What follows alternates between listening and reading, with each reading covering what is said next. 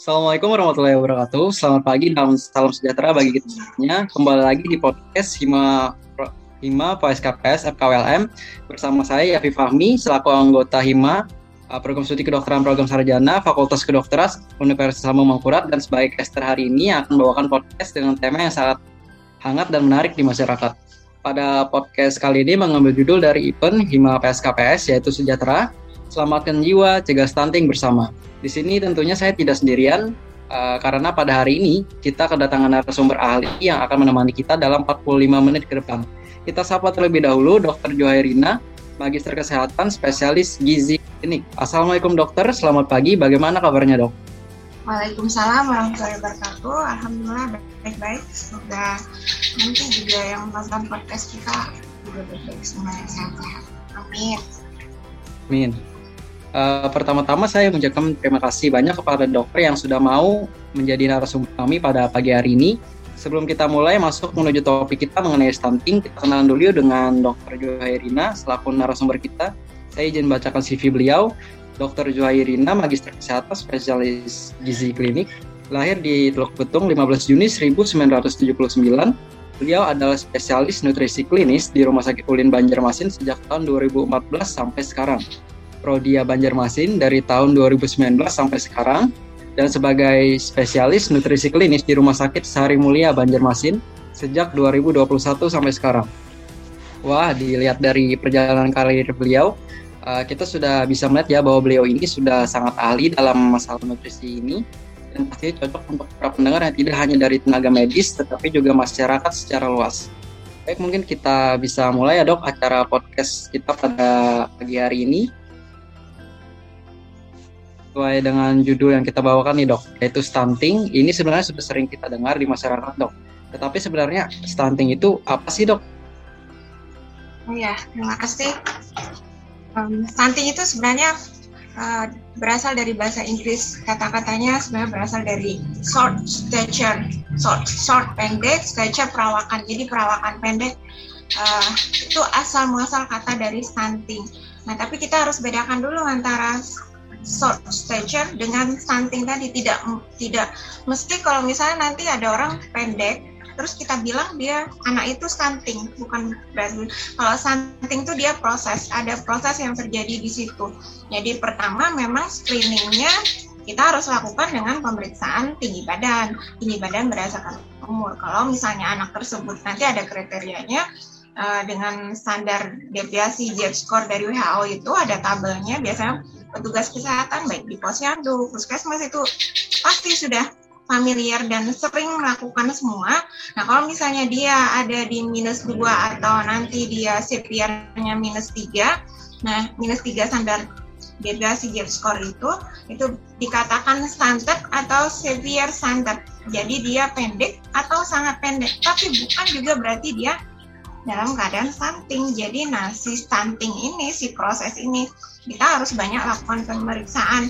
Nah, dia kan banyak stunting ini kalau WHO bilang adalah suatu keadaan grow uh, grow failure. Jadi dia uh, pertumbuhan yang gagal. Jadi ada proses pertumbuhan yang gagal di situ. Nah, jadi penilaian selain tinggi badan pertama screening pertama tinggi badan tadi adalah penilaian lain apakah anak itu misalnya terlambat perkembangan sesuai umurnya baik motoriknya, sensoriknya, visualnya semua akan dinilai baru tuh dibilang anak itu stunting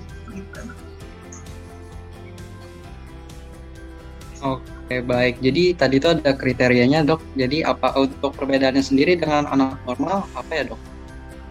Nah itu tadi. Uh, jadi screening pertama kita adalah dengan melakukan pengukuran berat badan, tinggi badan sesuai umurnya. Kita tetapkan berdasarkan kriteria dari Z score-nya tabel WHO itu, baru kita lihat lagi uh, bagaimana perbandingannya dengan anak normal. Jadi kalau misalnya dijejerkan uh, anak dengan umur yang sama. Jadi kita lihat anak yang normal sama anak yang stunted. Nah biasanya anak stunted pasti tinggi badannya akan lebih pendek dibanding anak yang normal. Itu tidak bisa terjaring, itu namanya stunted. Nah baru kita akan lakukan pemeriksaan lain untuk menegakkan diagnosis stuntingnya tadi. Gitu. Jadi secara secara visual kita sudah bisa lihat jadi ada anak berjejer beberapa orang atau satu dua orang dengan umur yang persis sama dia berbeda tinggi badan itu patut kita duga dia uh, stunted gitu Oke, berarti stunting sendiri itu dapat dibagi menjadi beberapa klasifikasi atau kelas ya dok begitu? Ya, yang disebutkan tadi nanti setelah diukur kita plot pada kita lihat pada tabel JIT score itu apakah misalnya dia akan ada kriterianya. Nah kriterianya itu kalau misalnya dia uh, min kurang dari sampai minus dua standar deviasi itu dibilang dia adalah stunted atau pendek. Kemudian kalau dia kurang dari minus 3 standar deviasi itu disebut severe stunted atau sangat pendek. Gitu. Oke, baik dokter. Uh, yang membedakan kelas-kelas tersebut baik dari segi fisik maupun dari segi nutrisinya dok, uh, yang kurang dalam anak yang mengidap stunting ini apa itu? Nah, kalau klasifikasi berdasarkan antropometri bukan berdasarkan nutrisi. Jadi kita lihat uh, perbedaan antara santet dan dan severe santet tadi berdasarkan ukuran tinggi badan menurut umurnya. Baik dok, bagaimana? Oke, okay, silakan dok. Ya kalau etiologi mungkin salah satunya dari nutrisi, tapi kalau klasifikasi dari uh, ukuran tubuh tadi. Oke, baik dok. Uh, untuk angka stunting sendiri di Indonesia dan dunia saat ini bagaimana?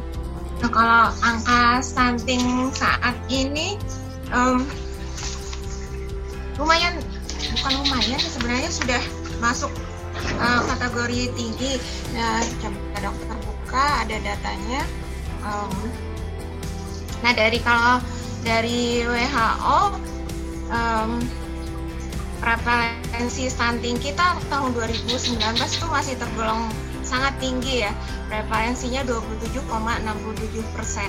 Kalau misalnya di Asia Tenggara sendiri prevalensi stunting itu 24,7 nah kita tadi di tahun 2019 itu 27,67 jadi kita uh, nomor dua tertinggi di Asia Tenggara kemudian secara global WHO itu rata seluruh dunia 21,3 kita tadi 27 jadi kita kita tinggi di Asia Tenggara, kita juga lebih tinggi di secara global. Nah, menurut um, Riskesdas ya, menurut Riskesdas kita juga tinggi angkanya. Uh, misalnya di data ini tahun 2007 angka stunting 36,8, kemudian 2010 35,6 turun dikit ya. Kemudian 2013 malah naik lagi jadi 37,2 persen. Tahun 2018 stunting kita alhamdulillah bisa turun sedikit ke 30,8 persen karena program pemerintah banyak sekali. Untuk stunting kita konsen sekali dengan stunting salah satunya ya yang diambil tema oleh uh, podcast kita hari ini jadi PR kita sebenarnya masih banyak kita ter, dua tertinggi di Asia Tenggara kemudian juga salah satu yang tertinggi di dunia. Wah, cukup tinggi juga ya dok untuk di Indonesia ini. Uh, lalu bagaimana dengan angka stunting di Kalimantan sendiri di tempat kita dok? Kalau Kalimantan um, dibandingkan dengan um, seluruh provinsi di Indonesia itu datanya uh, tahun 2019 ya. Dia peringkat ketujuh dengan 31,75 persen. Kalau ingat tadi yang disebut uh, rata di Indonesia tuh 27,67 nah kita di Kalimantan 31,75 persen. PR yang lumayan berat bagi provinsi kita. Ini termasuk yang tinggi juga ya dok? Iya betul. Peringkat ketujuh kita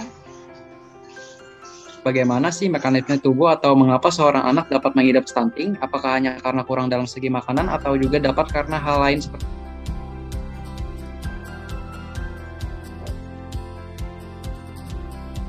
um, tadi istilahnya stunting ya. Kalau kita ingat kalau bahasa Inggris, ing itu berarti ada satu proses di situ ya. Jadi stunting itu adalah satu proses kegagalan pertumbuhan akibat akumulasi ketidakcukupan nutrisi yang berlangsung sangat lama. Jadi mulai dari kehamilan sampai usia 24 bulan. Itu krusial sekali. Jadi sebenarnya stunting ini adalah mekanisme adaptasi dari tubuh tubuh si anak itu karena ketidakcukupan nutrisi hasilnya dia jadi gagal tumbuh begitu. Jadi uh, itu prosesnya lama dari makanya kenapa disebut stunting ini kronis karena dia berlangsung dari kehamilan dari kehamilan waktu uh, dia di dalam kandungan ibu. Baik dok, untuk ciri-ciri umum atau spesifik dan spesifiknya dari anak mengidap stunting apa sih dok supaya kita sendiri bisa aware gitu dengan stunting ini dok? Ya, yang pertama tadi yang sudah kita sebutkan ya, jadi kalau misalnya um, kita lihat anak-anak seumuran persis umuran-umuran itu terus dia pendek, nah itu patut kita curiga dia santet artinya pertumbuhannya terlambat. Kemudian dia biasanya wajahnya tampak lebih muda dari usia usianya sebenarnya. Jadi kalau dibandingkan dia lebih lebih muda. Nanti jangan jangan salah kira kalau misalnya dia lebih muda terus ah anaknya jadinya kayak uh, baby face sekali. Padahal kita lihat perawakannya pendek. Ini salah satu tanda lagi bahwa kemungkinan itu juga uh, terdiagnosis stunting itu. Kemudian pertumbuhan giginya terlambat, jadi tidak sesuai umurnya kan ada juga biasanya kepercayaan nanti um, dia lebih duluan bicara atau lebih duluan jalan daripada gigi nah itu juga tidak benar jadi pertumbuhan gigi juga harus sesuai dengan umurnya kemudian performnya lebih buruk. Jadi ya tadi pertumbuhan selain pertumbuhan perkembangannya juga terlambat tidak sesuai dengan umurnya. Kemudian biasanya kalau sudah terdiagnosis di akhir-akhir misalnya anak sudah masuk SD begitu jadi dia cenderung lebih pendiam jarang kontak. Nah itu salah satu ciri-ciri dari beberapa ciri stunting anak-anak dengan stunting Wah ternyata lumayan banyak ya teman-teman pendengar untuk ciri-cirinya dari umum ya. maupun uh, dok masyarakat pastikan sudah sangat familiar nih dengan empat sehat lima sempurna dok ini misalnya hmm. ada anak makan dalam porsi yang cukup, akan tetapi sesuai dengan kebutuhannya. Apakah anak tersebut dapat mengidap stunting juga, dok? Nah, itu tadi karena kita ingat di pertama tadi bilang stunting itu adalah proses ya. Proses itu berlangsung dari kehamilan. Jadi kalau misalnya di karena dia kronis lama, jadi kalau misalnya di kehamilannya dia sudah kurang, kemudian seribu hari pertama kehidupannya dia juga kurang, Nah itu walaupun di di misalnya setelah dua tahun dia makannya baik itu hanya bisa mengoreksi sedikit. Tapi sebenarnya uh, pencegahan pertama dari uh, ibu yang hamil tadi dulu kalau misalnya sudah uh, usia di atas itu kita koreksi dengan makanan gizi seimbang nah itu ya kita mengkoreksi untuk memperbaiki tapi tidak untuk memperbaiki dari awal. Karena kan yang paling uh, vital atau penting itu sebenarnya hari seribu hari kehidupan kita. Jadi dari kandungan sampai dengan dua tahun. Itu yang paling penting. Baik dok. Untuk jenis makanan ada yang jenis makanan dapat bantu mengetahui anak mengidap stunting atau tidak kalau makanan uh, karena kita tadi ingat ya, nah kita ulang-ulang lagi kan, karena itu tadi kronis dari kehamilan, jadi yang paling pertama harus kita edukasi kalau misalnya uh, adik-adik ketemu ibu hamil atau siapa pun pendengar itu lihat ibu hamil misalnya kurus uh, curiga itu gizi kurang itu juga harus uh, diberikan edukasi atau diajak-ajak gitu kan kok misalnya bu ayo dong kita ke apa nanti ditemani ke posyandu atau ke bidan itu kan di, akan dilakukan screening apakah si ibu hamil ini menderita kurang energi kronis atau tidak. Nah, kalau dia misalnya si ibu hamil ini dengan kurang energi kronis itu akan beresiko melahirkan anak yang sangat tadi. Jadi uh, pencegahannya tuh dari awal. Jadi ibu hamilnya harus tercukupi gizinya, kemudian begitu melahirkan anak sampai 6 bulan harus dengan ASI eksklusif. Kemudian MPASI-nya juga harus benar di 6 bulan sampai 2 tahun. Nah itu yang paling penting. Jadi dari hamil 9 bulan kemudian ASI eksklusif kemudian MPASI sampai 2 tahun tuh sudah harus benar-benar mencukupi kebutuhan gizi anak dari kandungan sampai 2 tahun tadi Baik dok, ternyata seribu hari pertama dan MPASI juga sangat menunjang ya dok terhadap ya. anak. Jadi apakah stunting ini uh, merupakan penyakit yang hanya di, dapat diidap oleh anak-anak saja atau orang dewasa juga dapat mengidapnya dok? Kalau orang dewasa karena uh, perkembangannya sudah terhenti ya, jadi uh, kita bisa kategorikan dia sebagai tadi balik lagi status gizi santet atau severe santet, tapi bukan stunting. Jika misalnya kita uh, ada orang dewasa ukur tinggi badan misalnya nanti mau dicek apakah dia sesuai umur itu hanya bisa dibilang pendek atau sangat pendek. Gitu. Tapi bukan stunting karena sudah koreksinya sudah lewat. Oke baik stunting ini sendiri dok? Apakah ada penyakit lain yang dapat menyebabkan stunting? Kalau penyebab kalau penyebab stunting itu sebenarnya banyak ya. Penyebab stunting um, ada terutama kalau misalnya uh, anak dengan ibu yang kurang energi. Protein tadi itu resiko sekali untuk terjadi stunting. Kemudian ekonomi juga faktor ekonomi, kemudian faktor pendidikan dari uh, ibu keluarganya yang menunjang kecukupan gizi pada ibu hamil dan uh, kontrol pada kehamilan. Nah itu juga sangat berpengaruh atau penyakit-penyakit yang memang diderita oleh si ibu atau dia uh, hamil misalnya diabetes mellitus atau hipertensi yang rentan untuk uh, melahirkan anak yang prematur atau stunted. Jadi kompleks. Jadi ibunya harus benar-benar siap untuk hamil dalam keadaan sehat kemudian keluarga juga harus menunjang untuk uh, tercapainya kecukupan nutrisi pada ibu hamil sehingga bisa mencegah uh, resiko melahirkan anak yang stunted. Ternyata ada banyak faktor ya dok terkait stunting ini. Lalu dok, ya. apakah kemungkinan yang dapat terjadi pada anak pengidap stunting pada saat dia tumbuh dewasa nanti dok? Nah kalau kalau dampak-dampak dari stunting ini makanya kenapa uh, Indonesia dunia itu sangat aware sekali dengan stunting kita mitigasi karena dampaknya banyak sekali. Dampak jangka pendek jangka panjangnya apalagi nah kalau dia jangka pendek karena dia tadi ada proses gagal tumbuh kemudian uh, bisa jatuh juga ke gizi buruk itu bisa terjadi peningkatan angka kematian atau kesakitan resiko kesakitan karena uh, kurangnya kekebalan tubuh dari si anak itu. Jadi bisa meningkatkan angka morbiditas dan mortalitas. Kemudian juga karena krusialnya seribu hari pertama kehidupan itu kan uh, kalau misalnya anak santet berarti dia akan berisiko terjadi penurunan kognitif. Jadi kecerdasan juga akan berkurang. Kemudian motorik kemampuan motorik gagal perkembangan tadi motoriknya berkurang kemampuan verbal atau bahasanya juga berkurang. Kemudian secara ekonomi di tingkat keluarga kalau jangka pendeknya pasti kalau anak santet kan beresiko akan tadi uh, rentan untuk terjadi infeksi. Jadi kan akan bolak balik ke rumah sakit, puskesmas tentu akan meningkatkan kalau misalnya jangka pendek.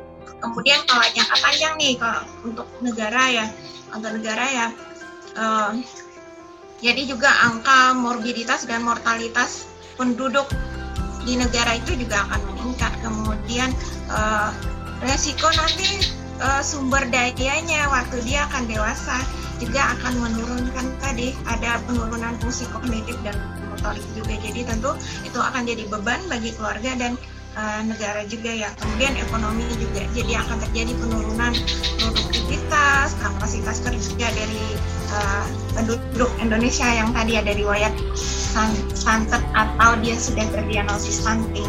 Jadi pasti ekonomi juga. Jadi dampaknya banyak sekali, pendek dan panjang.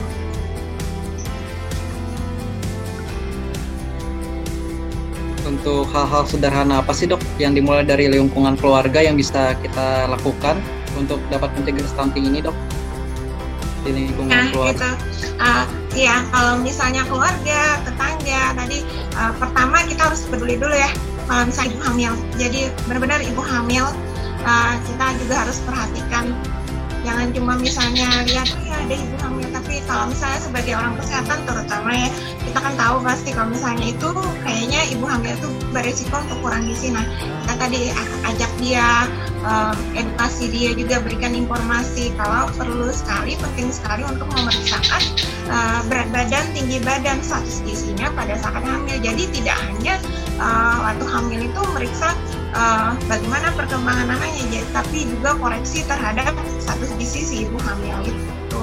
Kemudian kedua anak tadi. Jadi uh, harus kita rajin-rajin edukasi juga nih ke orang-orang yang bisa ada ada ide itu dia programnya untuk kontrol tinggi badan. Itu kan sebenarnya salah satu yang penting untuk uh, kita tahu secara dini anak ini stunted atau tidak. Jadi uh, anjuran dari IDA itu selama satu tahun pertama anak, jadi itu setiap tahun tuh harus datang ke posyandu untuk ditimbang, ditimbang dan diukur tinggi badannya. Nah kemudian itu kan satu tahun anjurannya minimal setiap bulan harus datang. Kemudian uh, dari 1 sampai 3 tahun tuh minimal 3 bulan sekali. Nah, jadi kalau satu tahun sebulan sekali, kalau sampai 3 tahun tuh 3 bulan sekali, sampai 6 tahun tuh 6 bulan sekali, di atasnya baru setiap tahun. Itu kita uh, informasikan, bantu informasi supaya bisa uh, deteksi dini petugasnya, oh, ini anak uh, sudah masuk kriteria standar bagaimana kita harus tidak dia jadi stunting. tadi kan di lingkungan keluarga ya dok. Lalu uh, apakah hal-hal yang dapat dilakukan oleh para pendengar khususnya yang uh, berkecimpung pada bidang kesehatan dok? Sama tadi. Jadi screening awal ya, kita aware ke screening awal. Jadi ada programnya pemerintah, oh ya dokter lupa. Namanya stunting itu kan tadi proses ya, proses um, yang berkelanjutan dari ibu hamil. Bahkan ada satu lagi yang tadi dokter lupa sebutkan bahwa stunting itu sebenarnya dia juga uh, asal muasalnya karena dia dari proses uh, kehidupan kita. Jadi yang paling penting adalah menyiapkan generasi muda pelajar pelajar-pelajar putri untuk mempunyai kesiapan uh, mengandung atau uh, mempunyai keturunan. Jadi harus menyiapkan rahim yang sehat bagi generasi muda. Kan ada namanya tuh program pemerintah salah satunya uh, tablet tambah darah. Nah, untuk uh, pelajar putri SMP atau SMA tuh kalau misalnya di puskesmas tuh sering harus dipantau programnya jalan atau tidak, ada kendala atau tidak. Uh, beberapa waktu lalu dokter pernah jadi uh, penguji mahasiswa yang melakukan penelitian uh, di beberapa SMA tuh masih rendah kepedulian dari remaja SMA putri kita untuk uh, minum tablet tambah darah. Nah itu hal sederhana yang kita bisa lakukan juga mengingatkan uh, konsumsi tablet tambah darah pada remaja putri dari SMP, SMA.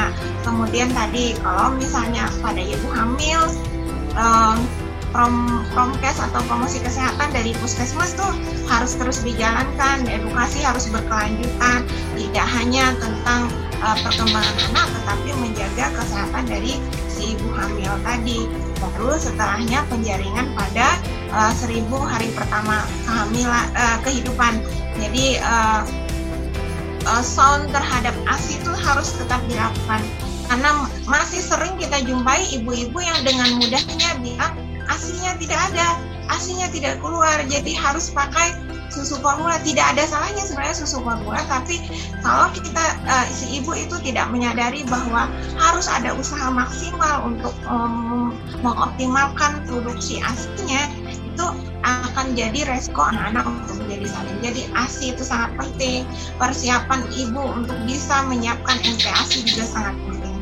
Jadi dari remaja putri, ibu hamil, ASI, MPASI itu satu proses yang berkelanjutan. Jadi kita sebagai orang kesehatan harus terlibat di situ juga dalam promosi-promosi kesehatan tadi.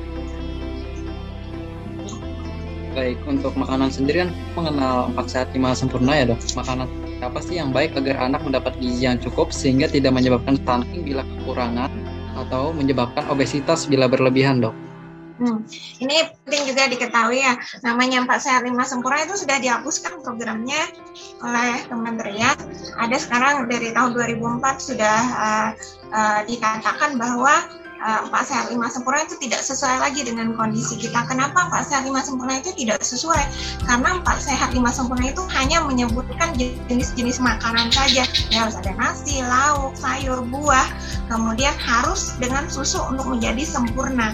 Padahal tidak seperti itu. Jadi waktu diluncurkan program gizi seimbang itu dikatakan kita harus mempunyai memakan dengan bervariasi jadi semua jenis makanan jadi karbo tidak hanya nasi jadi banyak jenis karbo nah ini salah satu juga tantangan uh, pada anak setelah dia mengenal MPASI biasanya ibu-ibu itu terpaku karena ingat ya mungkin ya empat sehat lima sempurna jadi karbonya harus dari nasi. Jadi begitu anaknya tidak mau makan nasi paniknya luar biasa.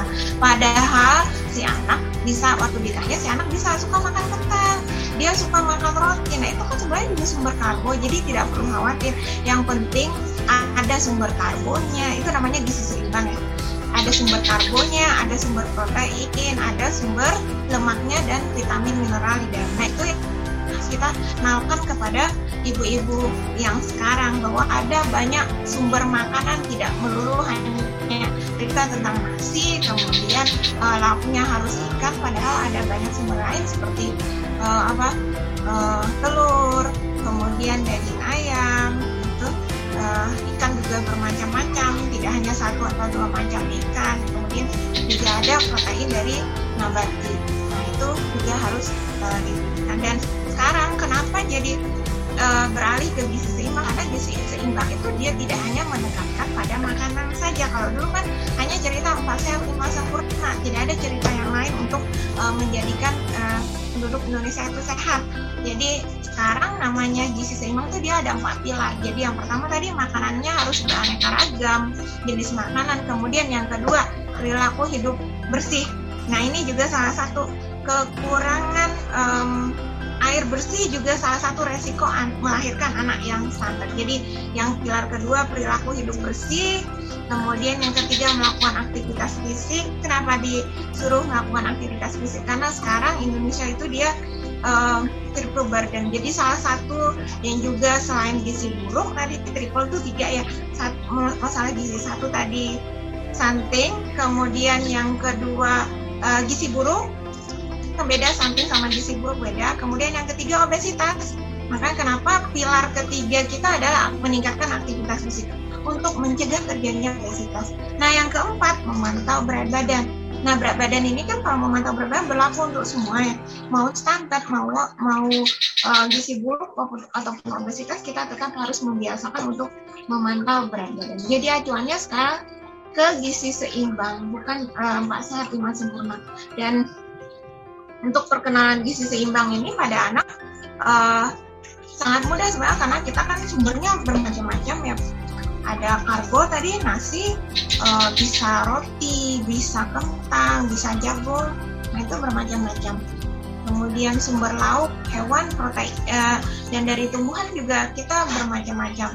Hewan ada telur telur telur tuh salah satu yang protein hewan asam aminonya sangat lengkap.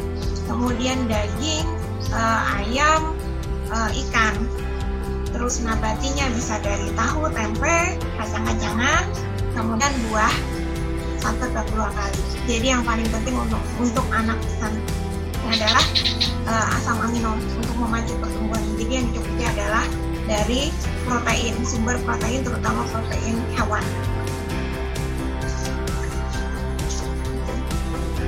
Kali ya dokter uh, bahasan kita kali ini. Tadi terkait ada bahasan terkait uh, aktivitas fisik ya dok. Apakah ada olahraga uh, yang cocok untuk anak yang sedang menjalani proses pengobatan atau rehabilitasi dari stunting sendiri dok? Uh, uh, topik tentang ini kemarin dokter ada cari-cari, uh, tapi dokter tidak ketemu yang spesifik tentang olahraga jenis olahraga dengan sampingan beberapa di uh, di Perdosri atau perkumpulan dokter rehab medik untuk uh, olahraga biasanya itu spesialisnya. Nah uh, ada pernyataannya juga bahwa um, bisa saja kita intervensi anak stunting ini uh, bagaimana untuk uh, meningkatkan intelektualnya tapi uh, terapi fisiknya tidak ada tapi intelektual dan sensori integrasi termasuk behaviornya dia yang harus terapi jadi itu tapi tetap uh, secara umum um, bahwa olahraga itu bisa uh, meningkatkan performance kita, kesehatan kita secara umum, kemudian juga bisa uh, meningkatkan uh, memunculkan hormon pertumbuhan atau growth hormon. Jadi tetap harus ada olahraga, tapi spesifik memang belum belum uh, dokter belum dapat. Uh, yang penelitian jurnal-jurnal juga tidak ada yang uh, melakukan spesifik yang dokter temukan. Bahwa misalnya anak stunting spesifik harus olahraganya ini, tapi anak stunting ya benar. Dia uh, menurun secara fisiknya. Fisiknya menurun, kemudian intelektualnya menurun dan itu salah satu bisa dibantu dengan meningkatkan aktivitas fisik. Tapi yang spesifik tadi sepertinya uh, akan lebih mendalam itu baiknya dipelajari ke rehab medik. Nah dok, ada rumor nih dok, katanya kadang ada orang-orang di pelosok yang memiliki anak kurus dan kecil, akan tetapi mereka percaya bahwa hal tersebut dikarenakan si anak belum sunat. Apakah benar ada korelasi badan kecil dan kurus seperti stunting dengan belum sunat dok? Nah itu ya. Uh, dokter juga ada beberapa mitos-mitos uh, yang dicari di Google gitu. Um, kalau sunat itu mitos berarti ya mitos. Karena tidak ada hubungan.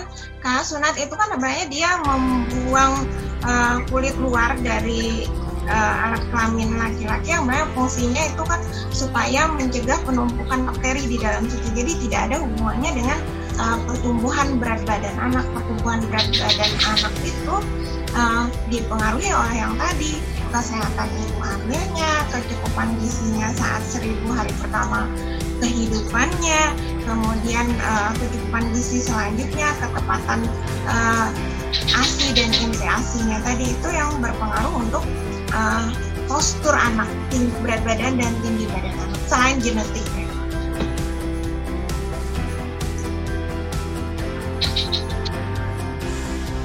Baik, sepertinya daftar pertanyaan yang saya miliki sudah habis ya dok. Mungkin seperti itulah bintang-bintang kita mengenai stunting dengan dokter Johairina.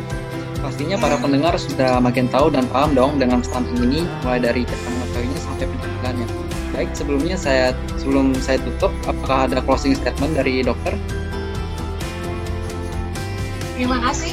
Um, salah satu terima kasih sudah diundang di podcast ini dan salah satu yang dokter tadi terpikir bahwa uh, sebagai bagian dari rakyat Indonesia, apalagi kita orang-orang kesehatan yang berbuatlah walaupun itu sedikit untuk menjadi bagian dalam pencegahan stunting.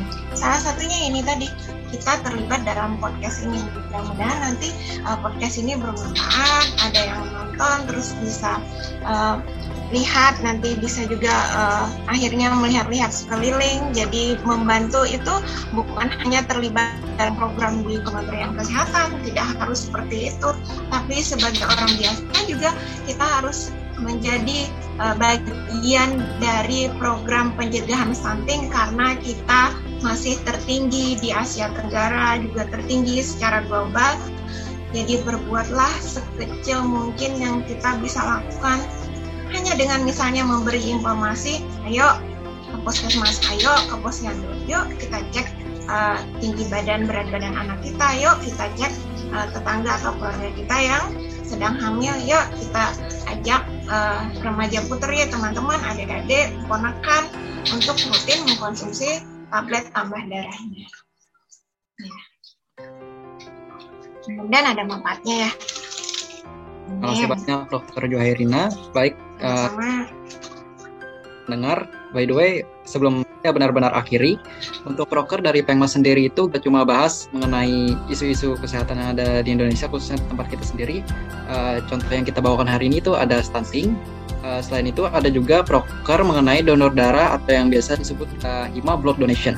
Tahu gak sih kemarin itu pada tanggal 14 Juni bertepatan dengan Hari Donor Darah Sedunia, kalian pasti sudah tahu lah ya kalau status darah kita sangat berguna bagi orang di luar sana yang membutuhkan.